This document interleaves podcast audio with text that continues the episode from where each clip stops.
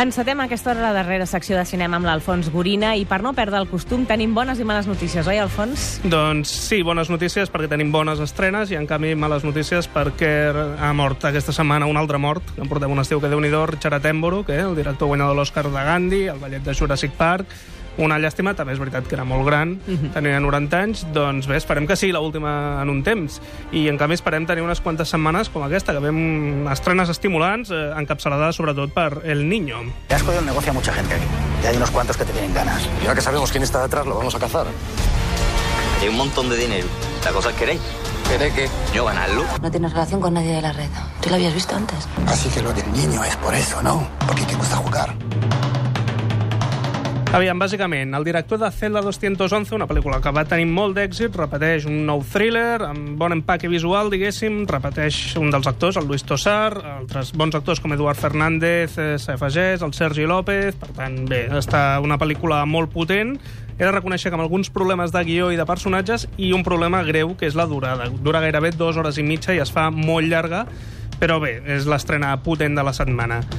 Per mi, estrena cinematogràfica la setmana és The Congress. Ah. Aquesta pel·lícula que ha dirigit Ari Folman, el director de Vals com Baixeira, aquella pel·li d'animació tan especial, i és que aquesta pel·lícula és també molt especial, perquè barreja dibuix i realitat, Sí. però també realitat i ficció perquè l'argument és que Robin Wright, que és aquesta actriu de La princesa prometida Sí. i totes aquestes coses, fa d'ella mateixa com a actriu que ja s'està fent gran i els estudis no la reclamen i decideix vendre la seva imatge perquè els estudis la puguin eh, fer virtualment amb l'edat que sigui.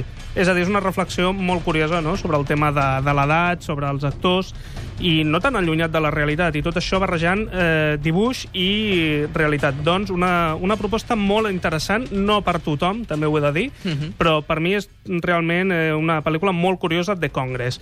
També és molt curiós el que ha fet el Cinesa Diagonal Mar amb la pel·lícula En el ojo de la tormenta. ¡Qué cerca ha caído! ¡Los pelos del brazo!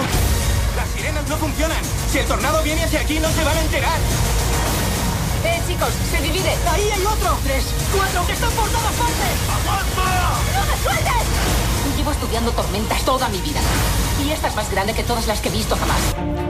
Què ha fet? Què ha fet, CNSA? Aviam, aquesta és una pel·lícula tipus Twister, és a dir, efectes especials, catastrofisme, tornados, que s'ho enduen tot per davant. Bé, aquí tinc la, la mostra, això és un xubasquero, no ho podeu veure, però la Mireia ratifica que ho tinc a la mà, Sí, que tot- i a Finesa tot. Diagonal Mar, durant dues setmanes, tindrà instal·lats una sèrie de ventiladors gegants a dins de la sala que eh, et bufen quan s'apropen els huracans, et tiren aigua, et fan eh, fum blanc, és a dir, és una d'aquestes experiències quatre dimensions que acostumen a dir, estarà dues setmanes al Cinesa Diagonal Mar, per tant, jo us recomano, si la voleu veure aquesta pel·lícula, doncs veure-la en aquest format, que almenys és, Molt és, és una mica més divertit.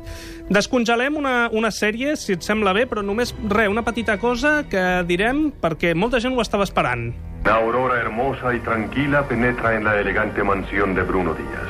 Pero en las profundidades de la baticueva no cantan los pájaros. Home. Épali. Repito, enciende tu transmisor. Enciéndelo, muchacho.